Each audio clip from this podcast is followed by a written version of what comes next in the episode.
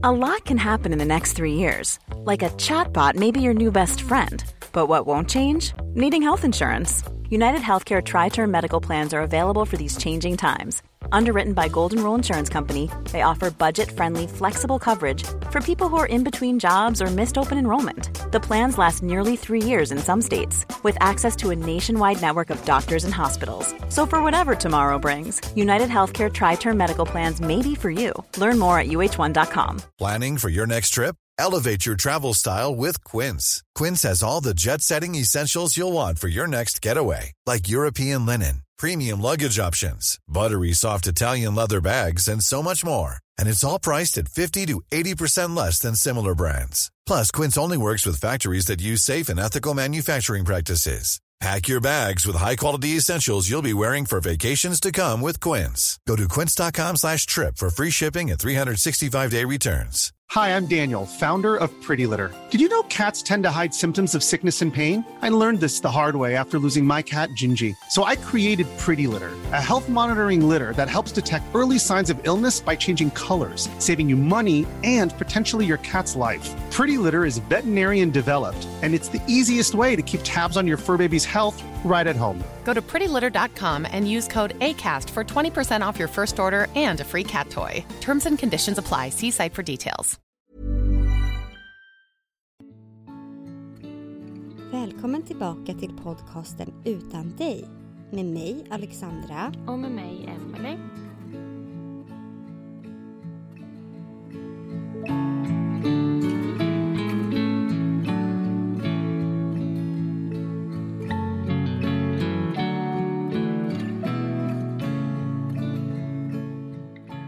Idag har vi Helena med oss som ska berätta om sin dotter Isolde. Välkommen! Tack så mycket. Vad fint att du vill vara med i våran podd. Ja, det känns väldigt bra. Vad bra. Du ska få börja berätta. Och så ställer vi frågor vart eftersom. Ja. Vi, eh, vi väntade vårt tredje barn, eh, en pojke. Och han var beräknad till egentligen den 13 december. Men vi har två tjejer sedan innan och de kom båda för tidigt så vi var rätt förberedda på att han skulle komma lite tidigare eh, också. Eh, men vi hade bestämt med min sambos föräldrar att de skulle komma till oss och ta tjejerna när det väl var dags. Och eh, den 3 december så var det väl som vilken annan dag som helst. Jag hade lite förverka typ men det var inget utöver det vanliga så egentligen. Men sen blev klockan två typ och jag började känna att, att jag fick lite förverka igen och så tänkte jag att oh, det är liksom, ja nu kör det igång igen fast det kommer inte vara på riktigt. Jag ville bara få ut honom för jag var så himla färdig med att vara gravid. Um, och sen blev klockan kvart i tre och jag låg och vilade lite och båda tjejerna låg och sov men de hade precis, vi vaknade typ kvart i tre allihopa. Och jag eh, hade så mycket verkar. Så jag skickade ett sms till min sambo för han satt på nedervåningen och jobbade att du får nog komma upp och ta tjejerna för det kanske är på riktigt nu. Så han kom upp och var väldigt så här uppspelt så, ska vi få våran son idag? Så här. Eh, och jag sa nej men det är säkert inte på riktigt men jag ställer mig lite i duschen och han såg väl på mig att det nog var lite mer än annars så att han sa ska vi ringa, ska vi ringa mina föräldrar eller ska vi ringa din mamma?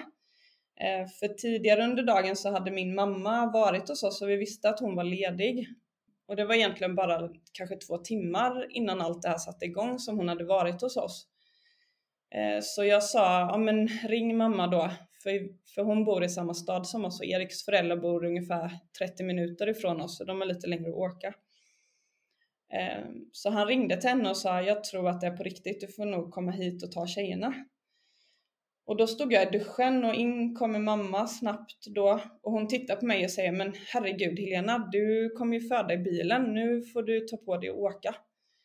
Eh, och jag ville egentligen inte åka för jag kände att jag var så oförberedd. Jag ville ha packat väska till tjejerna och, och liksom eh, ja, men ge instruktioner till min mamma och så för att de, mina föräldrar har inte haft våra barn lika mycket som min sambos föräldrar för vi har precis flyttat eh, till hus i, i den staden som jag är uppvuxen i och där mina föräldrar bor så vi har bott närmare Eriks, min sambo då, hans föräldrar tidigare. Men vi åkte in till förlossningen och vi, jag kollade på pappren idag för jag kommer inte ihåg några datum direkt så men vi är inskrivna 16 och 11 och han är ute 17.06 så vi var ju knappt en timme där inne. Det gick ju väldigt snabbt allting. Det hade nästan kunnat bli i bilen som din mamma sa. Ja, men lite så. Och ja, det kändes nästan som att jag skulle föda i bilen. Det var riktigt jobbigt. Det var inte långt till sjukhuset, men det var, kändes som världens längsta resa typ. Men han kommer ut och han mår jättebra, är superfrisk eh, och jag mådde jättebra och min sambo mådde bra och vi var superglada så vi ringde Facetime till mina föräldrar och ville visa upp för tjejerna då deras nya lillebror och de var superglada. Eh, vi har en dotter som heter Helia, hon blev tre år här precis och så har vi Isolde då som var ett år och sju månader vid den tidpunkten. Så de var väldigt glada. Eh, och då sa min mamma till mig att eh, jag tog ledigt från jobbet imorgon så att de kan sova här hos oss så kan ni åka hem i lugn och ro och så kan vi komma med tjejerna sen nästa dag då. För jag var ju tvungen att stanna på sjukhuset eftersom att han föddes där på eftermiddagen och de ville göra en sån kontroll på honom då. Det gjorde de först på morgonen nästa dag. Så Erik var kvar med mig på eh, sjukhuset eh, en liten stund. De hade det väldigt lugnt. Annars så får inte han stanna kvar då på grund av corona. Men han stannade kvar en liten stund och sen åkte han hem på kvällen och jag låg och tittade på hans son och var hur lycklig som helst och var mest vaken den natten och var i någon form av bebisbubbla så väldigt lycklig. Och på morgonen får jag ett sms från min mamma med en bild på min pappa och Helia då, den lite äldre tjejen, eh, där de äter frukost tillsammans. Och då så stod det typ i smset att eh, Isolde fortfarande sover och jag reagerade direkt på det för att hon har aldrig i princip sovit längre än till kanske halv sex. Alltså hon vaknade alltid runt fem, halv sex på morgonen och hon var, har knappt sovit hela nätter heller. Hon har varit vaken väldigt mycket. Eh, så jag reagerade på det och jag har försökt att gå tillbaka lite och tänka vad det var för tid jag fick smset men jag kommer inte ihåg det. Men det var ju på morgonen, jag reagerade i alla fall att klockan var mer än vad den borde vara och hon fortfarande inte hade vaknat. Men i samma stund som jag fick smset så kom personalen som skulle byta, de som hade jobbat på natten, in och skulle presentera sig. Så då svarade jag aldrig min mamma. Och morgonen gick där och de skulle ha läkarronden vid halv nio, har jag för mig. Och precis innan den skulle börja så ringer Erik då, min sambo, och då då, jag har tänkt innan att det var konstigt att inte han har hört av sig tidigare för vi är morgonpigga i vår familj så att jag tänkte nog att han skulle ha ringt tidigare. Men ja, han ringde och så var han väldigt lugn i telefonen och jag trodde att han var på väg in till oss för att hämta oss då efter läkarkontrollen. Eh, men han säger istället att eh, jag vill att du ska vara lugn nu, det kommer komma in personal. Eh, jag har ringt dem. Jag vill inte att du ska vara själv i rummet nu. Men det har hänt en olycka och det gäller Isolde och hon är på väg in till Rehov och det är allvarligt. Och jag sa, redan då sa jag bara, ska hon dö nu? Hon är död. Och så sa han bara att vi vet inget än, det är allvarligt, men vi vet inget än. Och så frågade han, kommer din personal till dig? Och det kom aldrig in någon till mig i rummet. Så han sa att, men tryck på knappen så det kommer in någon till dig, för du ska inte vara själv nu. Och jag tryckte på knappen och det kom in någon och de visste ingenting. Så jag bara berättade snabbt vad Erik hade sagt om min sambo. Och eh, Erik säger att jag sitter i, i, en annan ambulans nu. Jag åkte ut till dina föräldrar och blev mött av en ambulans som nu kör mig in till sjukhuset. Och jag låg på Eksjö eh, BB och de åkte till Rehov i Jönköping och det är 30 minuter, eller det är, ja, 45 minuter är det från Eksjö till Jönköping ungefär kan man säga. Och vi hade ju ingen stol eller så med oss till våran nyfödde son så och alla var ju inne på sjukhuset i Jönköping så jag kunde inte ta mig dit så personalen på Eksjö BB försökte få fram en, en ambulans då som kunde köra mig och våran son på ett säkert sätt. Men det tog rätt lång tid och jag tror att jag liksom var där inne utan att veta någonting om vad som hände och jag visste att Erik var själv och jag ringde honom, han svarade inte. Och sen var det väl jag, klockslag som sagt vad jag kommer inte ihåg men jag kan tänka mig att det var någon timme efter att han hade ringt som han ringer tillbaka och säger att hon är död. Hon är dödförklarad. Det gick inte att rädda henne liksom. Du, du måste komma hit och säga hejdå. Och jag fattar typ ingenting av vad som händer och jag är väldigt så här, jag är lugn tycker jag, men jag börjar skicka ut på Snapchat eh, till alla som känner oss i princip och som har varit med sedan Isolde föddes att hon är död. Och jag fattar ju nu efteråt att det var ju någon form av chock liksom för vem, vem skickar på Snapchat där meddelandet dessutom bara försvinner att ens dotter har dött. Det gör man ju inte egentligen. Men jag gjorde det och jag ringde också min närmsta tjejkompis Malin eh, men hon svarade inte just då och sen ringde jag upp henne igen och då svarade hon och jag bara grät och så hon trodde att jag var så glad för att Francis hade fötts då men, men i själva verket då så sa jag ju bara att Isolde är död. Och hon förstod ingenting heller.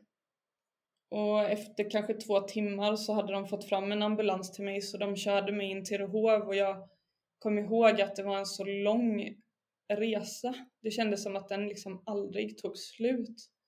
Och jag var så orolig för Erik för att jag visste att han var själv inne på Rehov och eh, jag visste inte om någon hade kommit dit till honom. Och sen när jag kommer in till Rehov så möts man ju av liksom massa personal som ska kolla hur man mår och kolla att allt går bra med den nyfödde liksom.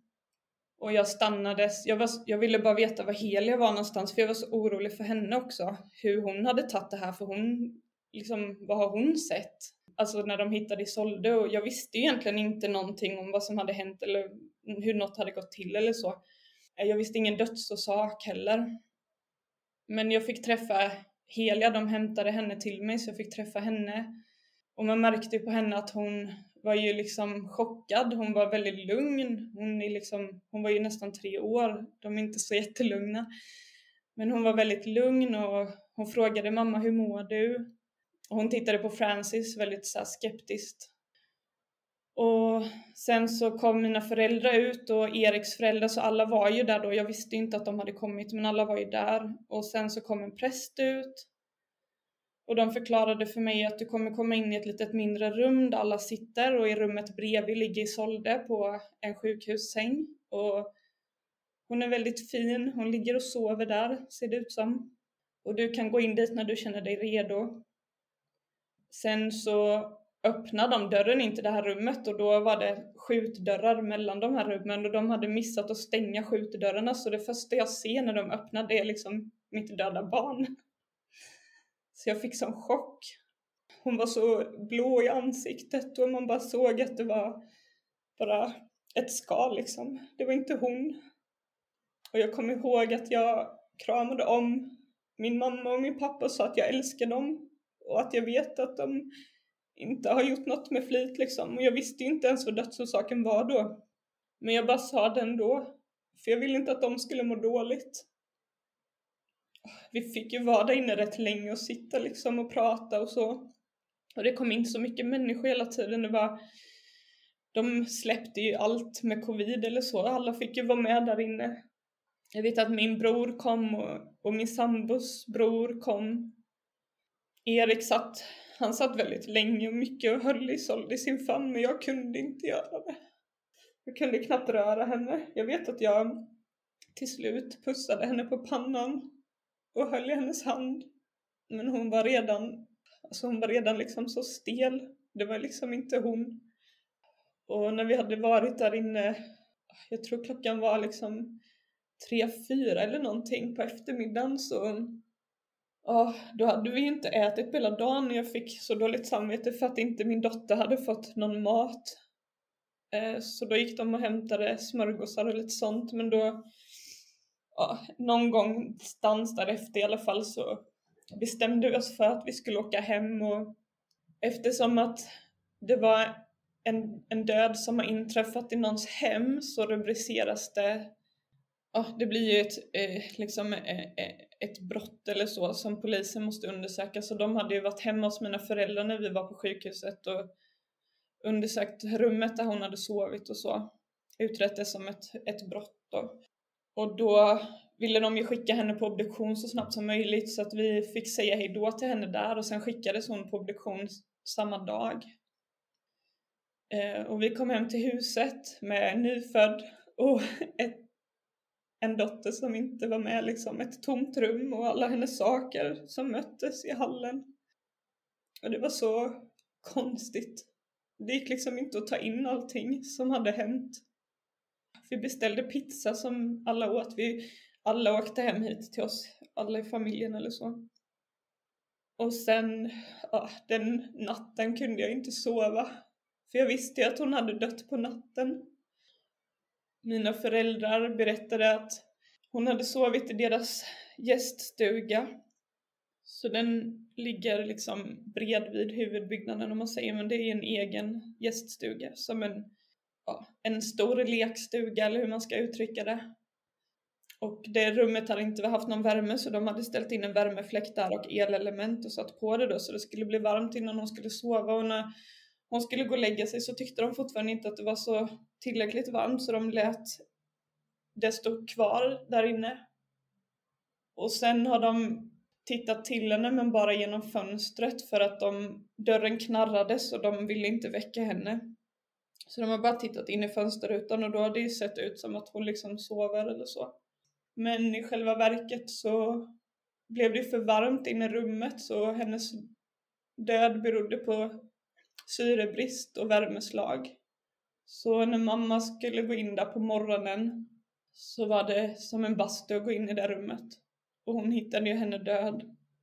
Och skrek på pappa så han fick komma in och försöka göra hjärt och lungräddning men det var ju, hon var ju redan död när de hittade henne, vet vi nu efteråt. Och hon hade redan blivit rätt stel i kroppen så enligt obduktionen och läkarna så tror de att hon har dött runt midnatt en till två timmar framåt eller bakåt.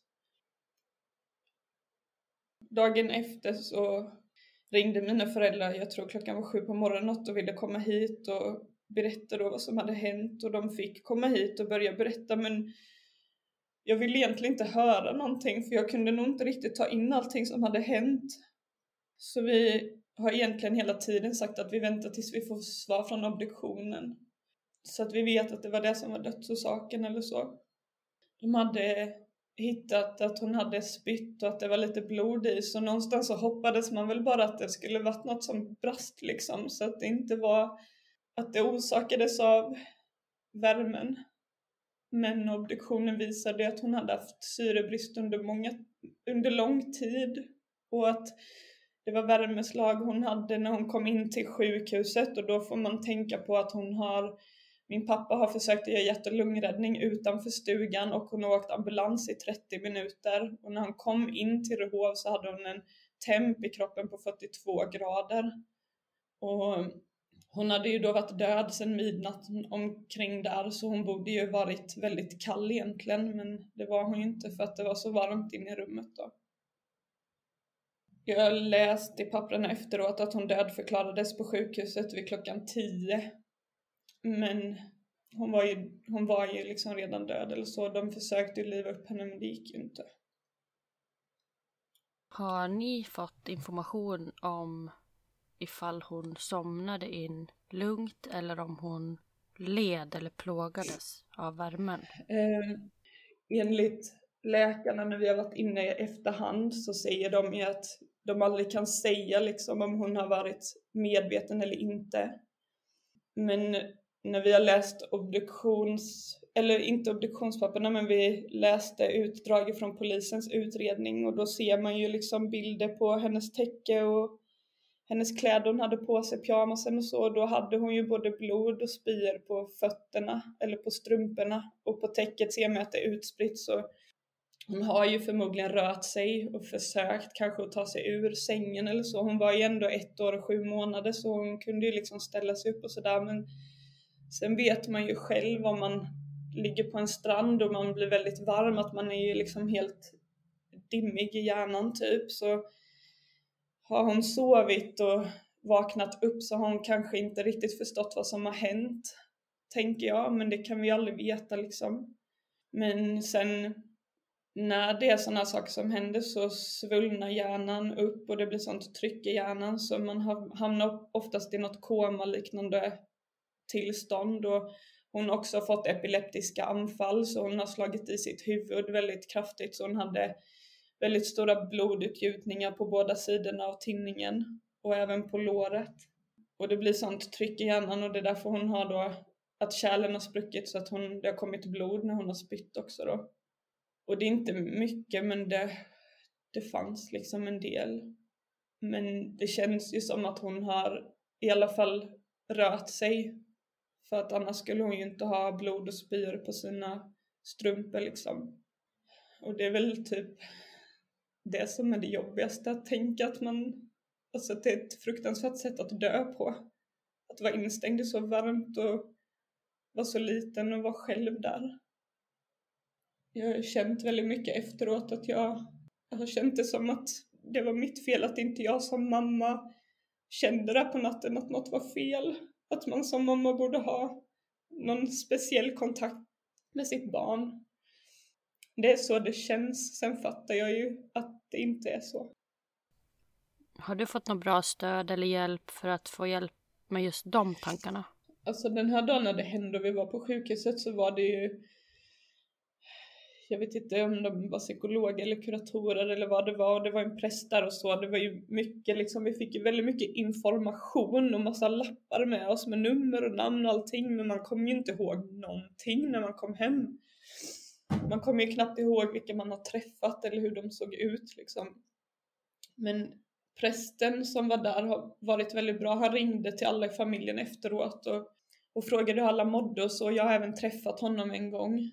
Um, den personen som skulle ta hand om oss, om hon nu var psykolog eller kurator vet jag inte, men hon ringde en gång och då ville hon bara ha våra personnummer för att hon skulle ringa och göra en anmälan till Försäkringskassan egentligen.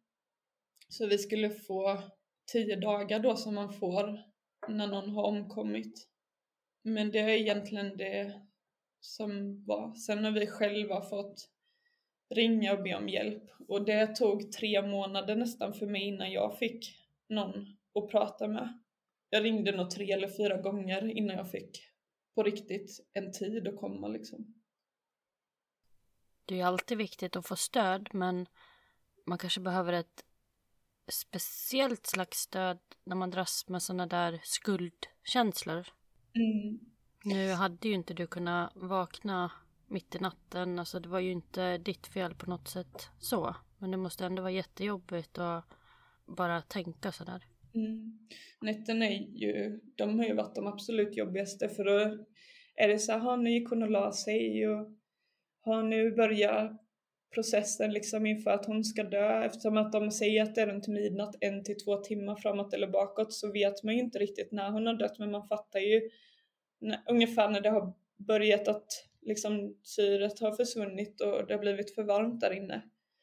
Det förföljer mig hela tiden egentligen och sen har det ju blivit kanske bättre men det är alltid jobbigt när man närmar sig datumen 3 och 4 december för den natten mellan där så det är ju då hon dör liksom.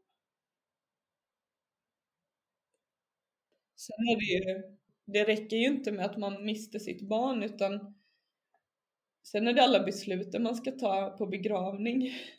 Man ska liksom välja om de ska sova med täcke och kudde som de har haft hemma eller om man ska köpa nya grejer, vad ska de ha på sig? Alltså alla sådana beslut. Det går ju inte att ta sådana beslut för man vill ju behålla precis allting. Samtidigt får man dåligt samvete om man inte ger sitt barn det som är deras grejer. Det är väldigt mycket man ska tampas med känslomässigt. Och så hade vi också då liksom Helia, det var ju bara 12 månader mellan dem så Helia vet ju inget annat än att hon har alltid haft en syster och de lekte väldigt mycket tillsammans.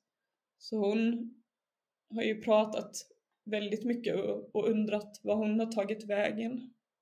Och sen är nyfödd på det också.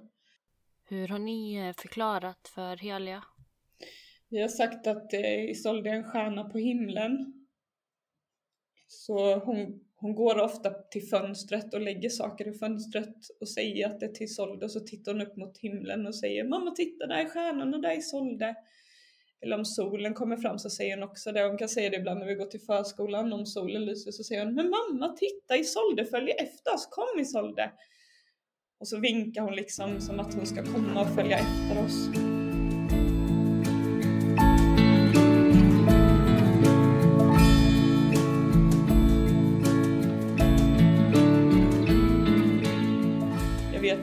Förskolan så har hon pratat mycket om att jag går och väntar på Isolde men hon jag väntar och väntar men hon kommer aldrig hem. Var är hon någonstans? När kommer hon? Jag vill leka. Och sen vissa dagar kan hon komma och säga att hon, hon är ledsen och att hon saknar Isolde och så gråter hon. Men sen vet man ju inte när de är tre så vi gråter ju mycket hemma och vi säger ju att vi är ledsna för att Isolde inte är med oss. Så man vet ju inte om hon förstår det eller om hon liksom kopierar ett beteende som vi har eller så. Ja, det är jättesvårt när barnen är så små. Ja. Och jag bara tänker på också att när man får barn och är nyförlöst har man så mycket känslor ändå. Mm. Du hade en nyfödd liten pojke och så skulle du vara med om den här extrema chocken ovanpå det. Ja, det var ju väldigt jobbigt i början. Varken jag eller min sambo kände ju liksom att vi ville ha eh, Francis då. Utan vi ville ju bara ha liksom Isolde tillbaka. Så det var väldigt jobbigt att liksom behöva lära känna en ny bebis mitt i allt det här. Jag tycker det tog lång tid för både mig och Erik att liksom verkligen knyta an till honom eller så. Men idag så, så älskar vi honom och vill ju inte att han inte ska finnas hos oss. Liksom vi önskar ju att att vi kunde haft alla våra barn här. Men det var väldigt jobbigt i början. Ja, det förstår jag. Chocken på allting liksom också. Ja. Jag förstår om du inte vill prata om det som jag kommer fråga nu.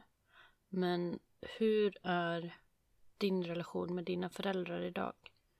Och finns det några skuldkänslor eller liknande inblandat? Nej, mina föräldrar mår ju inte bra såklart vi firade ju jul tillsammans och sådär och vi liksom försökte alla sätta oss i lite jobb så vi renoverade vårt hus som vi hade flyttat in i och så för att liksom ha något att göra. Så den första tiden där så träffades vi ändå rätt så mycket men efter att vi fick svar från obduktionen så har vi inte kunnat ha så bra relation för att vi liksom kan inte riktigt möta varandras behov. Vi har sagt till dem vad vi behöver från dem och de känner väl inte att de kan möta oss i det riktigt så att som, som läget är idag så har vi inte någon kontakt alls med varandra. Och det var aldrig så, vi, vill, vi ville aldrig att det skulle bli så men vi är ju alla i sorg. Så det, det är svårt, man reagerar olika. Ja, man gör ju det. Och då är det också en slags förlust. Ja, ja det är det verkligen. Det är, det är svårt. Familjen är ju väldigt splittrad nu. Och det märker man ju direkt som Isolde fyllde ju två år den 12 april och Helia fyllde tre år den 1 maj och normalt sett så skulle vi haft ett kalas för dem båda men nu hade vi bara kalas för Helia det blir väldigt konstigt när det är sådana saker för då liksom bjuder man ju in sina familjer. Och det var ju bara egentligen min syster som var och firade Helia då när hon fyllde år. Ja, det blir ju en väldigt stor omställning. Har det blivit så med dina syskon också? Alltså att ni också har svårt eller är det bara med dina föräldrar? Ja, det blir ju väldigt svårt. Jag har en syster och en bror och min syster, hon, hon vill ju liksom, för, eller alltså hon har ju en, en relation och kontakt med oss alla. Medans min bror känner väl mer att han vill ha en relation med mina föräldrar och går väl lite mer på ja, hur de tänker. Så, ja. Men själva utredningen, Mm. vad fick den för resultat? Ja, utredningen som polisen gjorde var ju att de åkte till rummet och de tog med värmefläkten och även det här värmeelementet för de ska väl ha egentligen att de skulle ha liksom slått av när det blir för varmt i rummet men det har ju ingen av dem gjort utan de har ju bara fortsatt att gå så de vill ju se vad det var för fel och sådär på det. Och jag är ju inte, jag vet ju inte liksom förhören hur de har gått med mina föräldrar så det är ingenting jag vet någonting om. Men eh, allt är avskrivet som en olyckshändelse. Så som det ser ut just nu. Och det känns, det känns väldigt jobbigt eftersom att vi känner väl lite att de inte riktigt kanske har tagit hand om henne på bästa sätt. Att man inte lämnar ett så litet barn själv i en stuga med värmefläkt och värmeelement utan att öppna dörren och faktiskt kolla hur varmt det blir i det här rummet och sen dessutom hade de ju heller inte frågat oss ifall det var okej att hon låg där ute själv. För det var ju ingenting som varken jag eller Erik hade sagt att, eller det hade vi aldrig gått med på liksom. Jag hade ju sagt att de, hon skulle sova inne med liksom Helia och, och mamma och pappa. Sa de varför hon låg där ute och sov? Nej, det vet jag inte. Jag, jag tror, jag vet inte om de har sagt detta eller om det här är någonting som jag själv tror för att väldigt mycket av det som sades under den här tiden är liksom väldigt dimmigt. Jag kommer liksom inte ihåg allting men jag kan tänka mig att det handlade om att här hemma så sov Isolde oftast i eget rum och somnade i sin säng. Medan Helia då, den äldre tjejen, hon sov ofta i vår säng. Eller hon som, kunde somna i sin säng och sen så kom hon in till oss. Och då antar jag att de, de ville att hon skulle få sova ostört. Och mamma och pappa bor i ett lite mindre hus på landet som vi hade som sommarställe förr, men nu bor de där permanent och det finns bara två sovrum där. Och mamma och Helia sov i ett rum och pappa sov i det andra och då skulle väl Isolde få sova själv. Och eftersom att det är en gäststuga så fanns det ju liksom sängar där ute. Tanken var väl god liksom men ja, det är mycket man kan ifrågasätta sig efter, efteråt liksom. Vi, både jag och Erik känner ju att de för det första så har de ju kanske inte lyssnat på oss vad vi säger kring våra barn och hur vi vill att de ska tas om hand. Och sen så då att de inte har kollat till henne så det är en svår, det är en svår situation är det. Jag, för de, de mår ju inte bra heller såklart. Det var ju aldrig meningen att det skulle bli på det här sättet, det förstår ju vi. Där går det väl isär lite kring hur vi, hur vi liksom känner kring situationen och, och hur vi ser på det på olika sätt.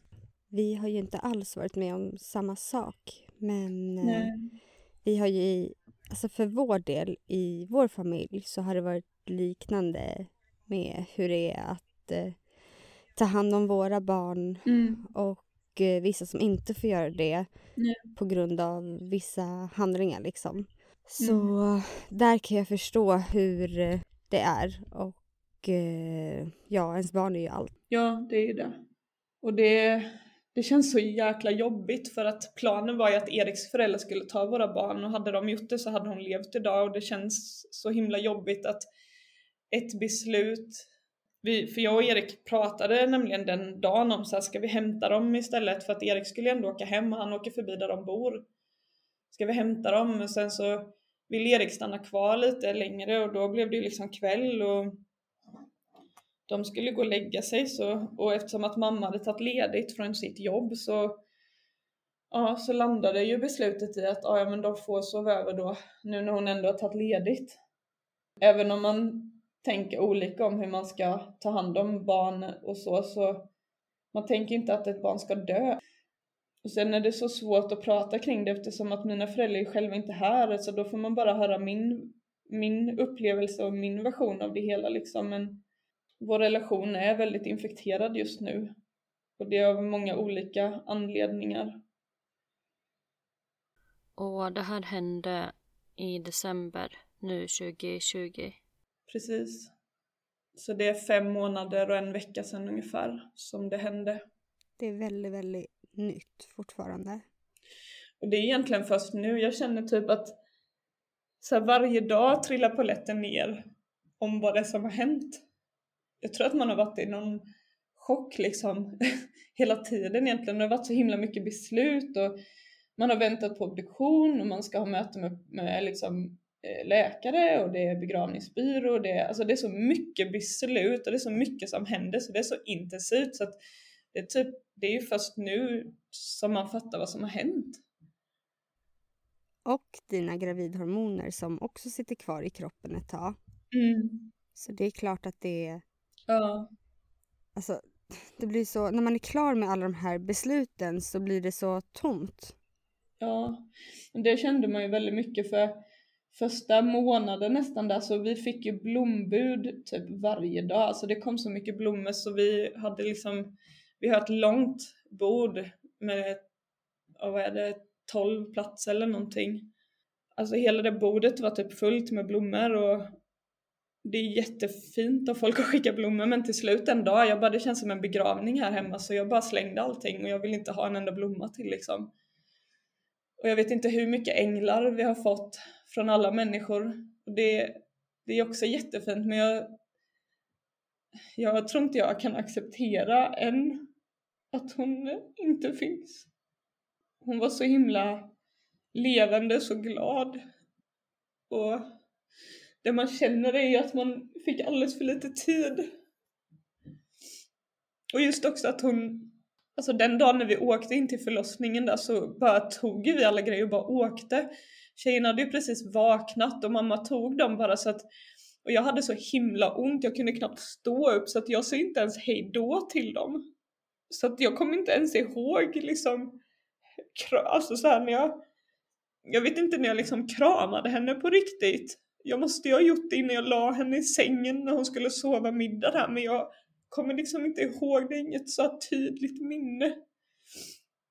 Eller typ hur hon luktade, för hon hade en speciell lukt. Och jag har alldeles för lite filmer och bilder på henne nu känner man i efterhand. Alldeles för lite. Så jag är väldigt noga nu med att ta mycket kort och filma barnen jättemycket nu. Du berättade att ni satte igång och rustade huset.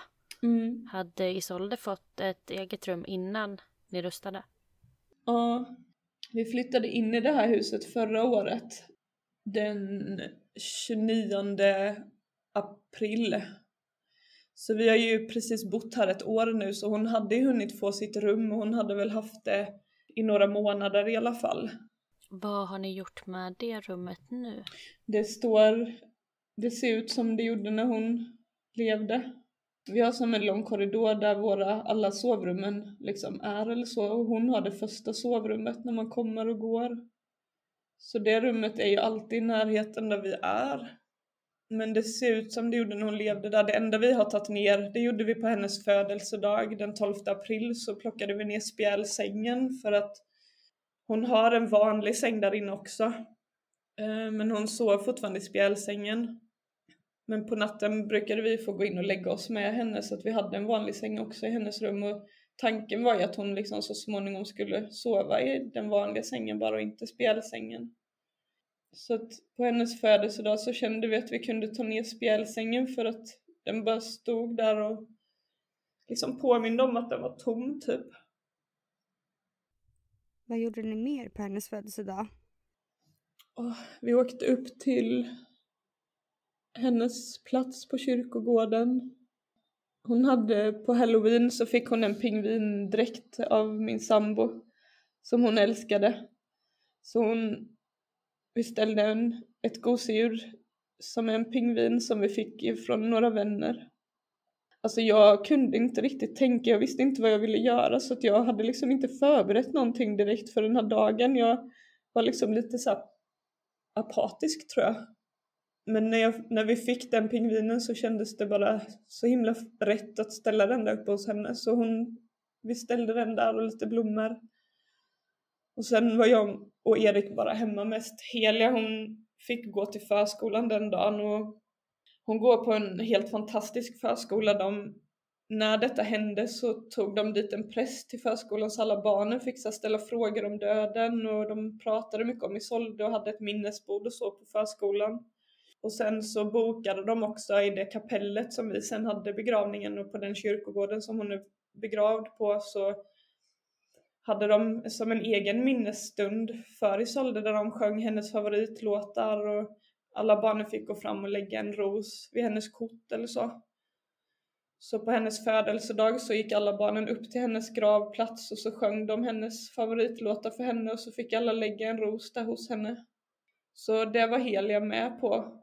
Och vi kände väl lite att det räckte för henne eller så. Så hon var inte med. Jag och Erik åkte själva upp till hennes plats då och var där en liten stund.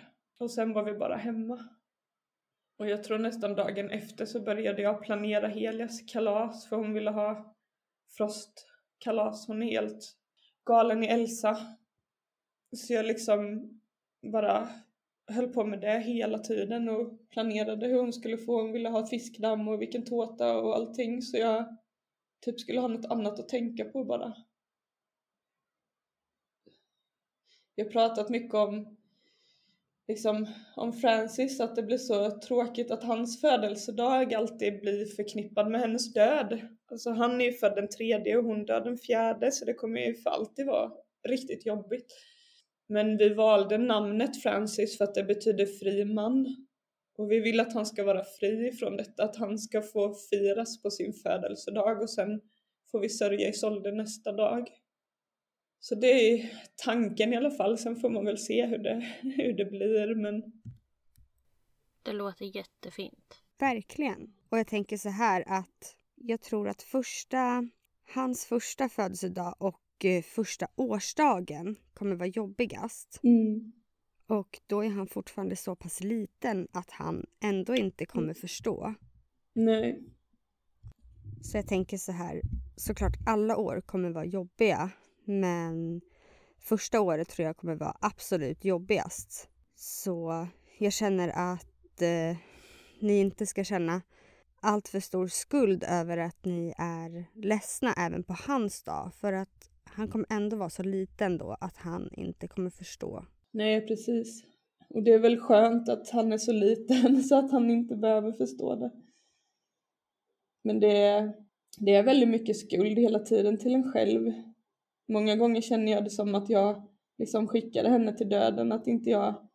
Oh, alltså det här med alla beslut, jag vet, det var en, en natt när jag var uppe och eh, matade Francis och jag tyckte att han kändes lite kall och så tog jag en lite tjockare filt och la på honom. Alltså det är ju en sån här, en filt man har på bebisar liksom, men han har sovit med en liten tunnare för han är rätt varm normalt sett. Och och jag stod och tänkte att så här, ska det här beslutet göra att han kommer dö? Kommer han dra den här filten över ansiktet och så dör han? Och jag kunde inte sova den natten för att jag bara tänkte på att mitt beslut skulle göra att han skulle dö. Så jag var tvungen att gå in och ta bort filten igen. För att jag kunde liksom inte släppa det. Alltså värme är en sån riktig trigger för mig. Jag, jag vet att oh, om det var några dagar efter att hon hade dött eller om det var vid jul där. Jag kommer inte ihåg när det var men det var ju där omkring. Min syster med familj hade kommit ner. De bor eh, vid Stock i Stockholmarnas. Och hon är väldigt frusen av sig och tyckte det var kallt. Så att hon frågade om hon fick sätta på en värmefläkt för hon hade en sån med sig. Och jag sa ja det är klart du får sätta på värmefläkten och det var ju i vardagsrummet och vi har ett stort vardagsrum så jag var i andra delen av huset och bytte blöja på Francis och grejade lite och sen när jag kommer in i vardagsrummet så är det så varmt där inne och kvavt så att jag får sån panikattack och bara kan inte andas och jag bara faller ihop på golvet och bara gråter och alltså jag får ingen luft så de får öppna balkongdörren och så ta ut mig på altanen typ så jag kan andas igen. Och jag kan liksom inte ha en värmefläkt i närheten och det får inte vara för varmt. Jag var, vi var ute igår jag och Heli för det var så fint väder och det var lite så här kvavt ute och jag tyckte det var så jobbigt att vara ute. Jag ville bara gå in hela tiden och hon lekte i lekstugan och det var nästan första gången som vi gjorde det, hon och jag tillsammans. Och då fick jag också en sån panikattack för att jag bara hörde liksom Isolde hur hon öppnade och stängde den här dörren förra sommaren och hur hon, hon gick alltid runt och bara ja, ja, ja, ja och grejade typ och så här. Och jag bara hörde liksom hur hon höll på där inne. Och de här panikattackerna har ju kommit och gått lite men nu har det börjat igen lite för mig. Jag hade för några nätter sedan vaknade jag också upp och jag hade ont i lungor och hjärta och jag kunde inte andas och jag bara grät. För då drömde jag liksom om, om när jag gick in i det här rummet när hon var död.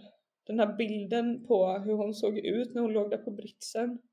Och jag har haft svårt efteråt för att titta på dockor. Helia har några dockor och jag vill typ inte titta på dem för att det känns ibland som att det var så Isolde såg ut, som att hon bara såg ut som en docka som bara låg där. Ja, jag förstår det. Att eh, sådana bilder liksom dyker upp.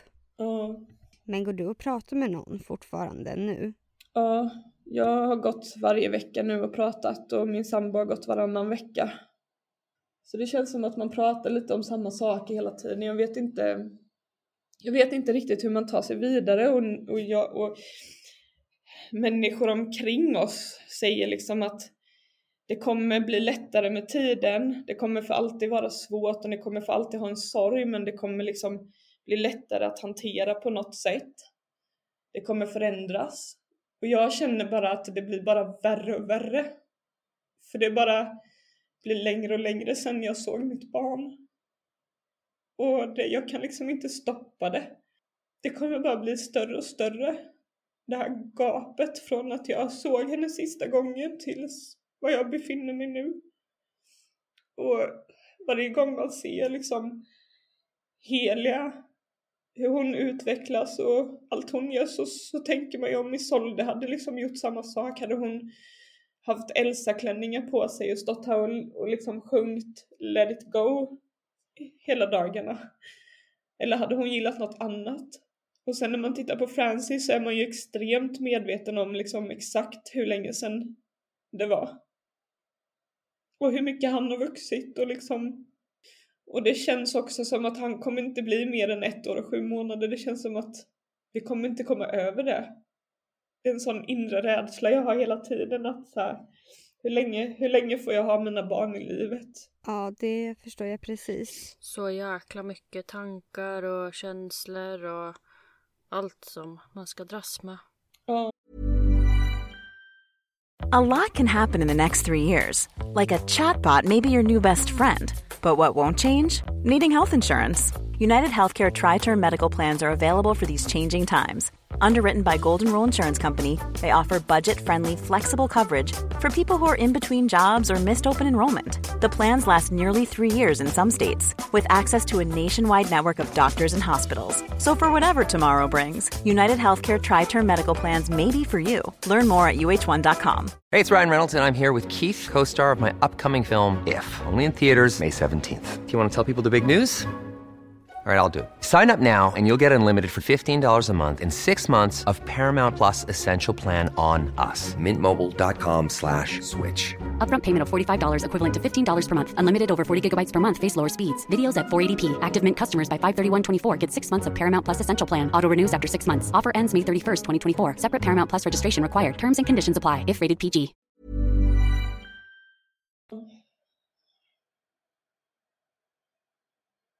Skulle du vilja beskriva för mm. oss hur Isolde var som person? Vad hon gillade allra mest och även vad hon gillade allra minst?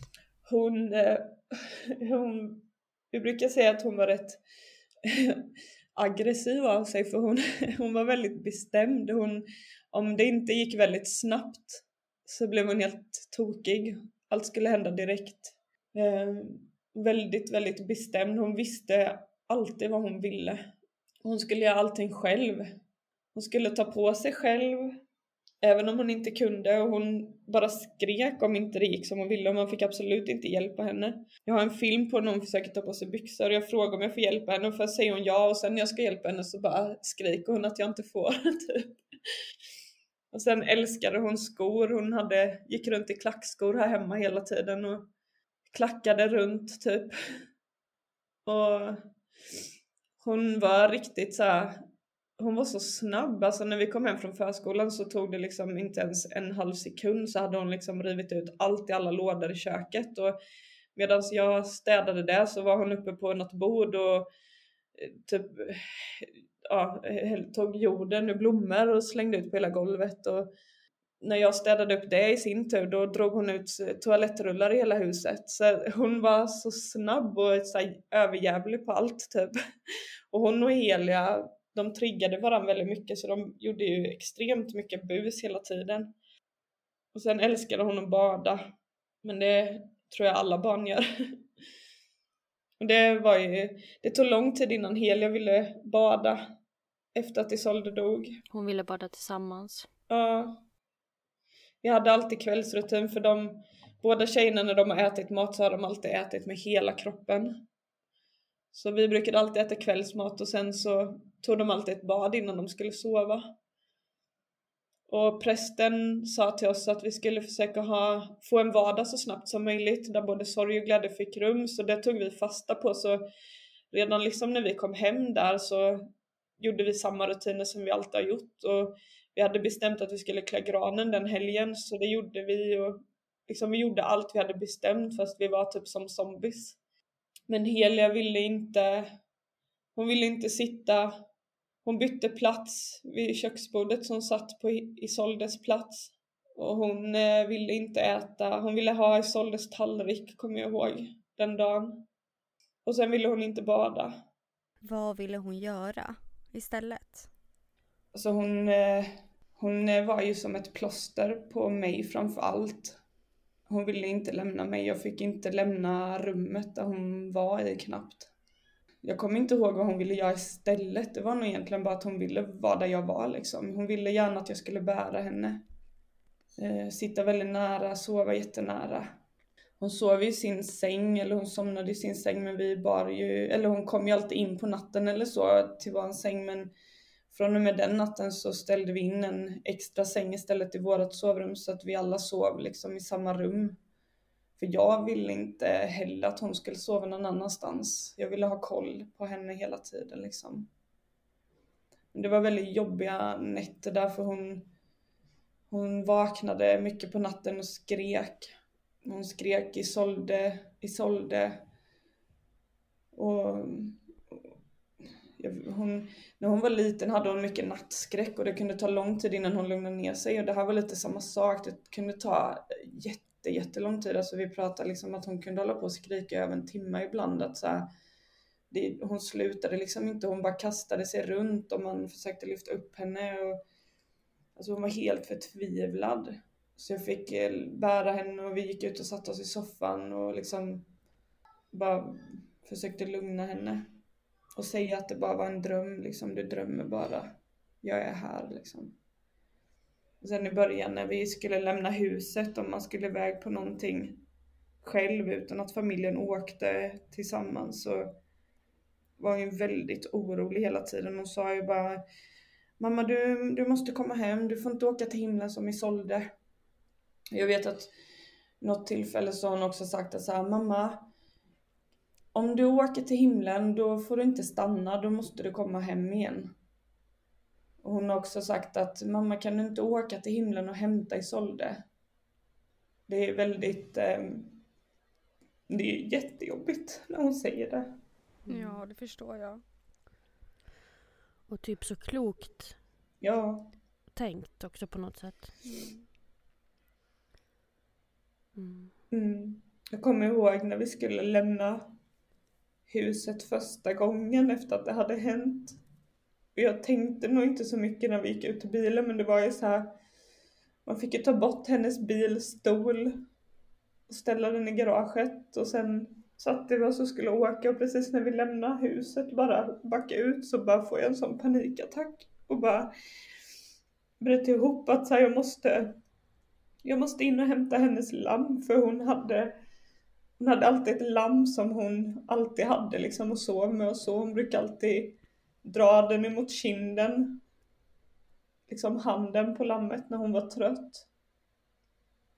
Och jag kunde inte åka utan den för det kändes som att jag liksom lämnade mitt barn som bara ett år och sju månader själv i ett stort hus. Det gör man inte. Jag hade väldigt svårt för att åka ifrån huset. Och det tog lång tid innan det kändes okej okay eller så. Utan att jag kände panik. Och vi, det, än idag liksom så ibland, vissa gånger kan jag åka iväg utan lammet men ibland så bara känns det som att jag måste ha det med mig liksom. Så i de allra flesta gånger så har vi det här lammet med oss hela tiden och jag sover varenda natt sover jag med det lammet. Jag sover aldrig utan den. Det är liksom så mycket Isolde i det lammet. Ja, det är det enda jag har kvar liksom som hon har haft nära sig. Eller vad man ska säga. Hon var ju så liten så hon hade liksom inga andra favoriter på det sättet. Hon hade ju skor som hon gillade så men det var ju det här lammet. Hon hade ju liksom alltid det med sig. Mm. Och det måste också så här vara jobbigt att fundera på om hon skulle ha det med sig i kistan. Eller ja. om du skulle spara det. Ja, jag hade så dåligt samvete för man, man vill ju liksom att ens barn ska få ha det som man vet är tryggheten för sitt barn. Mm. Och det var ju lammet. Men jag ville ju inte göra mig av med det för det var ju det enda vi hade kvar liksom från henne. Mm. Som verkligen var hon. Och jag hade väldigt dåligt samvete och kände mig väldigt kluven men jag jag pratade mycket om det liksom med, med både i, min sambo Erik och även min nära vän Malin som har varit väldigt stöttande. Och det vi kom fram till var ju liksom att, att det är ju det är bättre att vi har det här liksom. För vi vet ju ingenting om döden. Alltså vad är hon nu liksom? Och hon kan ju inte ta med sig lammet, alltså det skulle ju bara vi, vi valde att kremera så det skulle ju bara eldas upp liksom. Då är det bättre att vi har det. Så jag, jag beställde ett likadant lamm som hon hade. Och sen så sov jag med den i typ en vecka. Och Helia gick runt med det och Erik hade det och Francis hade det jämte sig. Så att alla våra lukter skulle vara på det lammet och att vi alla hade haft det. Så att lite av våran energi typ skulle följa med liksom. Och sen så fick hon det lammet med sig då istället i kistan. Och det känner jag nog än idag liksom att det ändå var rätt beslut eller så. Jag har, jag har aldrig ångrat det. Nej, nej. Vad bra. Mm. Ja. Heter lammet någonting? Kallade hon det Nej, det är mm. bara lammet. Mm. typ, ja. Har du varit hemma hos dina föräldrar efter att det här hände? Ja, tre dagar efter olyckan så sa vi att vi måste åka ut dit för de bor ute på landet och det är liksom en släktdel eller vad man ska säga. Mina kusiner bor där ute och sådär. Eh, min, min farmor bor där ute. Så det kommer alltid finnas i släkten på ett eller annat sätt. Och vi har ju varit där extremt mycket, alltså de bor ju vid vattnet och så, så man är ju där på sommaren och ja, men vi har ju firat jul där och midsommar och liksom, ja. Man är, är ju där mycket. Så det sa vi att så här, vi måste åka ut dit så snabbt vi kan för att liksom inte det ska kännas jobbigt att vara där. Eh, I alla fall, det är klart det kommer nog kännas jobbigt men så lite jobbigt som det kan vara.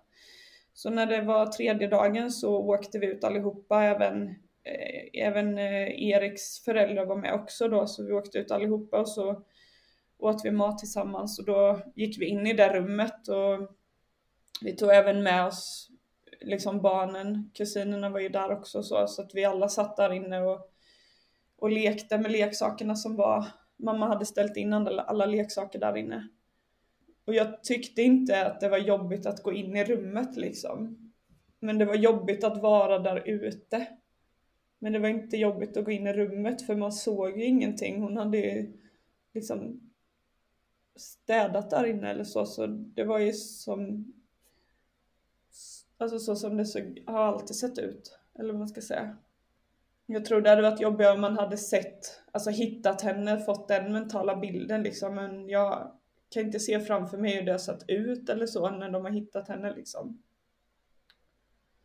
Men däremot så efteråt sen så var vi ute och åkte lite pulka någon gång och lite sådär och åkte skridskor på sjön och så. Och jag tyckte det var jobbigt att vara där ute.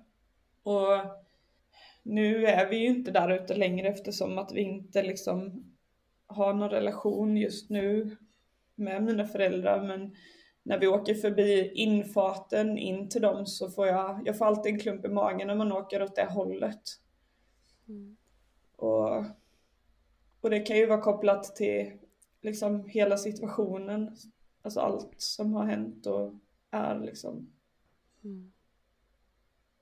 Men även att vi åkte ut dit och, och tanken var ju god om att det inte skulle, eller så att man skulle försöka undvika att det ska kännas jobbigt så tror jag aldrig att det kommer kännas liksom på samma sätt igen eller så. Jag kommer nog aldrig vilja spendera särskilt mycket tid där ute längre. Tyvärr. Men det är ju fullt förståeligt också. Ja. Hade barnen varit där relativt nyligen innan det här hände? Eh, nej, det hade de inte. Jag kommer faktiskt inte ihåg när vi var där innan det hände eller så. Du nämnde ju där att eh, Isolde hade kremerats. Mm. Vill du berätta lite om hur det var med hennes begravning? Hur, hur den var? Ja, vi valde, ja man får ju välja kista. Vi, det fanns på barnkistorna så fanns det vit eller rosa så vi valde rosa och blått fanns det nog också tror jag. Men vi valde rosa kista och även en rosa urna till henne. Och vi kände väl, eller så här, kremeringen var inget snack om egentligen. Vi kände båda två att vi inte ville liksom eh, begrava henne och hon skulle ligga och ruttna i jorden typ. Det kändes bara så fel liksom. Och samtidigt var det också att det här var ju lite stressigt för vi kände att vi ville ha begravningen färdig innan julafton. Och hon hade ju varit iväg på obduktionen en vecka ungefär så att det, det var ju lite tajt och det var ju inte så många tider direkt lediga där innan jul och sådär. Så då var det också lite att de hade nog ingen tid för att begrava henne direkt. Utan då hade vi fått vänta över julen men däremot kan man ju ha begravningen och sen en ursättning då efter och det kände vi kändes bra.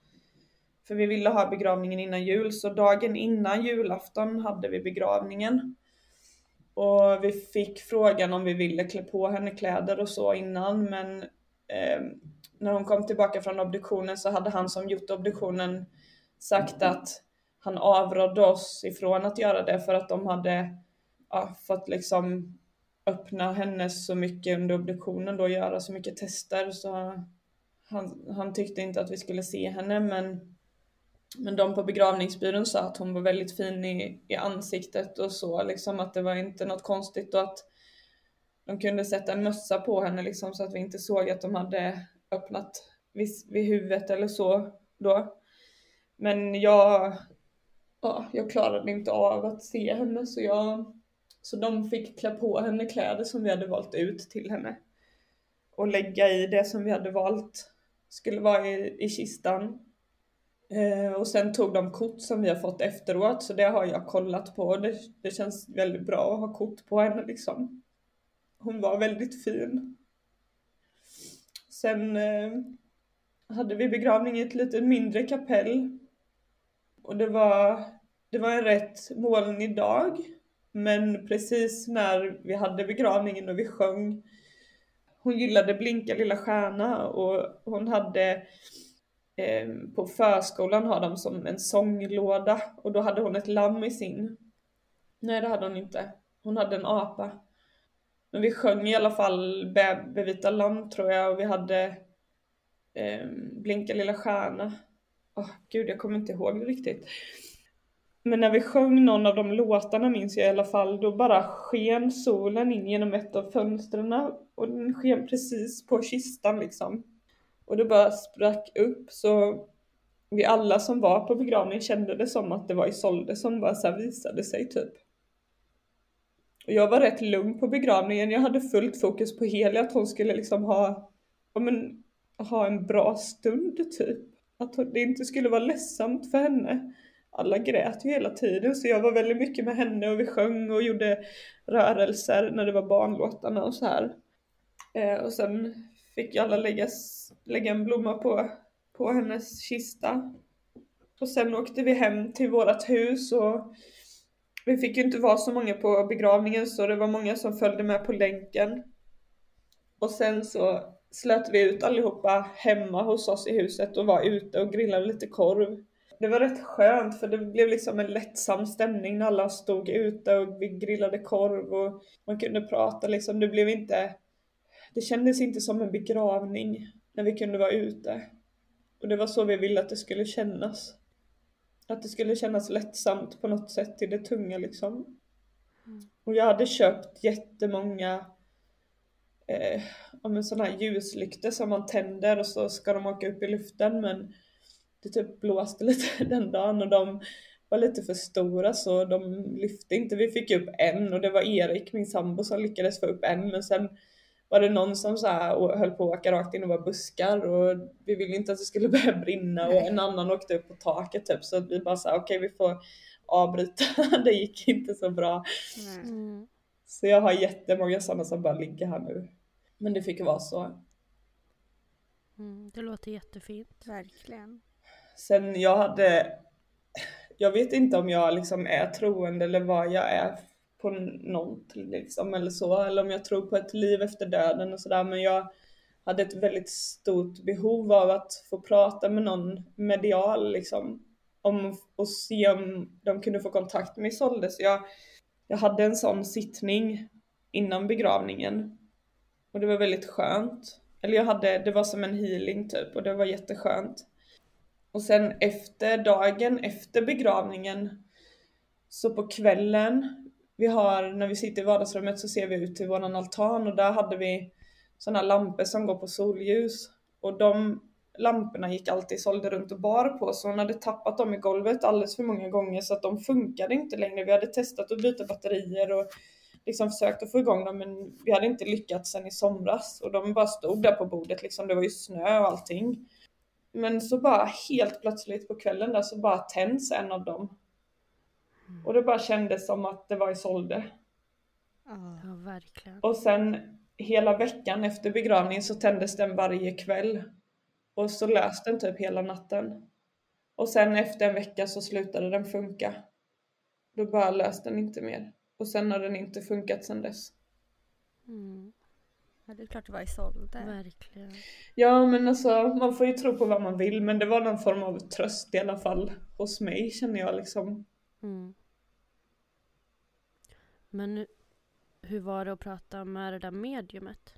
Hade ni något samtal också eller var det? Ja, det var en healing och sen hade vi samtal efter och det, när vi hade samtalet så, så sa personen saker som jag kände stämde in väldigt bra. Men sen efteråt så var det saker som personen hade sagt som verkligen inte stämde in och jag kände mig väldigt arg efteråt för att jag fick liksom inte ihop det som personen hade sagt. Mm. Jag var nog mer arg tror jag efteråt sen. Och då valde jag att, att, att eh, jag fick tips från en annan tjej som också har mist sitt barn att, eh, att det fanns en annan som den personen hade gått till och det var väldigt nöjd. Så jag testade med en annan och det var något helt annat. Eh, där efter det samtalet så kände jag mig så oerhört lugn och tillfreds på något sätt. Liksom jag kände verkligen att det var att personen hade fått kontakt liksom med Solde för personen berättade liksom saker som ingen kan veta om henne. Eller personen sa att eh, liksom att hon visade väldigt mycket strumpor och att hon höll på med färger och valde och så. Det var någonting hon alltid gjorde. Hon valde strumpor med omsorg på morgonen. Mm. Det var väldigt viktigt för henne med strumporna. Och det har jag nog aldrig sagt liksom. Det kan inte den personen veta. Och det var många andra saker som också var så här, men det är verkligen hon liksom. Och efter det så har jag inte haft samma behov av att känna att jag måste prata med, med någon eller så här, försöka få kontakt med henne. Jag fick liksom den kontakten där. Sen har vi två katter och efter att hon dog så har en av katterna speciellt alltid nästan sovit i hennes spjälsäng. Och ett tag så sov de på hennes rum hela tiden efteråt. Och de, en av katterna har också många gånger bara stått och stirrat i, i så dörröppningen och bara tittat rakt in. Och det sa den här personen att så här, ha uppsikt på katterna för de känner hennes närvaro när hon är där. Ja, vad fint och lite läskigt. Ja, ja. Men jag har aldrig känt liksom att hon är här på det sättet eller så. Jag känner ju att hon är mer i huset än var, alltså hon är mer här i huset. Jag pratar med henne när jag är här hemma mer än att jag känner att jag måste åka upp till hennes plats på begra eller på, på kyrkogården liksom. Jag tycker det är väldigt jobbigt att åka dit för det blir så definitivt att hon är död. När man är där uppe. Mm. Så jag tycker inte alls om att vara där. Jag känner mer att hon är här i huset då. Mm. Mm. Nej, jag gillar inte heller att åka till kyrkogården. Det är Nej. inte min jag har gett den uppgiften till min mamma faktiskt. Ja, jag hade inte behövt ha en plats. Jag hade hel helst hade jag nog spridit hennes aska liksom så att hon fick vara överallt. Jag gillar inte riktigt det här med att låsa upp på en plats men mm. med min sambo och andra personer i familjen kände jag att de ville ha en plats att gå till och då liksom det får man ju respektera så att det var ingen diskussion om det heller egentligen eller sådär. Jag har tänkt på det här med eh, om du ser andra barn i mm. Isoldes eh, ålder. Ja. Tycker du att det känns extra jobbigt? Oerhört jobbigt. Alltså allt som har med siffran tre att göra. Eh, alltså att det skulle varit tre barn är super, super jobbigt och särskilt systrar när man ser där de är rätt täta i ålder. Jag vet att jag, min syster har ju två systrar som barn och de är ju rätt täta i ålder och det är det var jättejobbigt att se dem i början. Alltså, jag, jag, kunde liksom inte riktigt umgås med dem eller så. Och jag vet julafton var ju också super, super jobbigt för vi hade köpt alla julklappar för vi var ute i god tid eftersom att vi skulle få Francis då så ville vi vara färdiga för vi visste ju inte när han skulle komma. Så vi hade ju alla julklappar färdiga. Mm. Som inte hon fick öppna. Så ja, vi lät Helia öppna hennes julklappar på julafton. Så hon fick liksom öppna dem åt Isolde och fick ta hand om hennes saker och leka med dem och så. Mm. Men allt är jobbigt med tre. Är det. Jag mår jätte, ja, jag mår ju riktigt dåligt när jag ser tre barn som är tät i ålder och särskilt också om det är två systrar med. Mm. Hur gör du då för att liksom orka? Nej, jag tror bara att jag tillåter mig själv att få vara ledsen. Det är ju en dröm som, som inte riktigt blev som den skulle. Jag tycker det är jättejobbigt att det är ett stort tack nu mellan Helia och Francis exempelvis i ålder. Och det är ju tre år emellan dem och det är väl normalt sett kanske inte så jättelångt egentligen men det skulle ju inte vara så liksom. Nej. Eh, och vi, jag, jag var väldigt inställd, alltså redan, jag tror det var typ andra dagen där så tittade jag och Erik på varandra någon gång och bara så samtidigt sa typ att vi vill ha fler barn. Det kände vi direkt att vi ville. Och jag var jätteinställd på att så här, det enda jag kan göra om och göra rätt, det är 12 månader eller 11 månader som det var mellan Helio och Isolde. Mm. Att det bara skulle vara 11 månader så när Francis, alltså när vi började närma oss 11 månader så var jag ju fast besluten vid att jag skulle liksom bli gravid igen. Mm. Och vi blev gravida igen när det var, och det blev 11 månader emellan. Och vi vet, och hjärtat började slå. Men sen en vecka efter att vi hade varit på ultraljud och såg att hjärtat slog så började jag blöda så det blev ett missfall.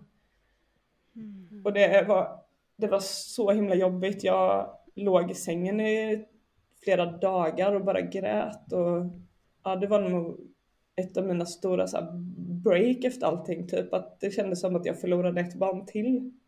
Och det här definitiva om att jag kan inte ens Alltså jag kan ju aldrig få Isolde tillbaka, jag kan aldrig göra det ogjort. Men det jag kunde göra var ju att få 11 månader mellan två barn igen liksom. Men nu var det också förbrukat. Jag kunde inte rätta till något. Men nu så här i efterhand så känns det helt okej okay att det blev ett missfall för att det var ju inte riktigt kanske av rätt anledning och jag tror helt ärligt inte att jag hade liksom orkat en graviditet mitt i allt det här och en bebis också. Mm. Så det, mm. det blev ju ändå rätt, eller vad man ska säga, ändå. Tror du att ni skulle orka och våga försöka igen med att skaffa fler barn? Ja, vi har pratat mycket om det och vi känner att vi vill ha fler barn och jag känner att jag liksom vill också bli färdig med att vara gravid så att man kan få lite tillbaka sitt liv igen. Jag har ju varit mammaledig i fyra år typ. Mm. Jag var hemma hela graviditeten med Helia för jag spydde så mycket. Så jag känner att jag vill få komma tillbaka till arbetslivet igen och så men samtidigt så vill jag inte bli mycket äldre innan jag får mina barn så att vi har sagt att efter sommaren igen så då ska vi försöka igen och då känns det mer som att vi gör det av rätt anledning också att inte det handlar om att på något sätt försöka ersätta det som vi har förlorat eller så. Mm. Mm. mm. Då önskar vi er stort lycka till. Ja, tack. Ja, det gör vi. Mm. Mm. Och tack för att vi har fått höra om Isolde. Tack så jättemycket. Ja, och tack för att jag har fått berätta om det. Det känns väldigt fint att få göra det. Bra. Tack. Tack.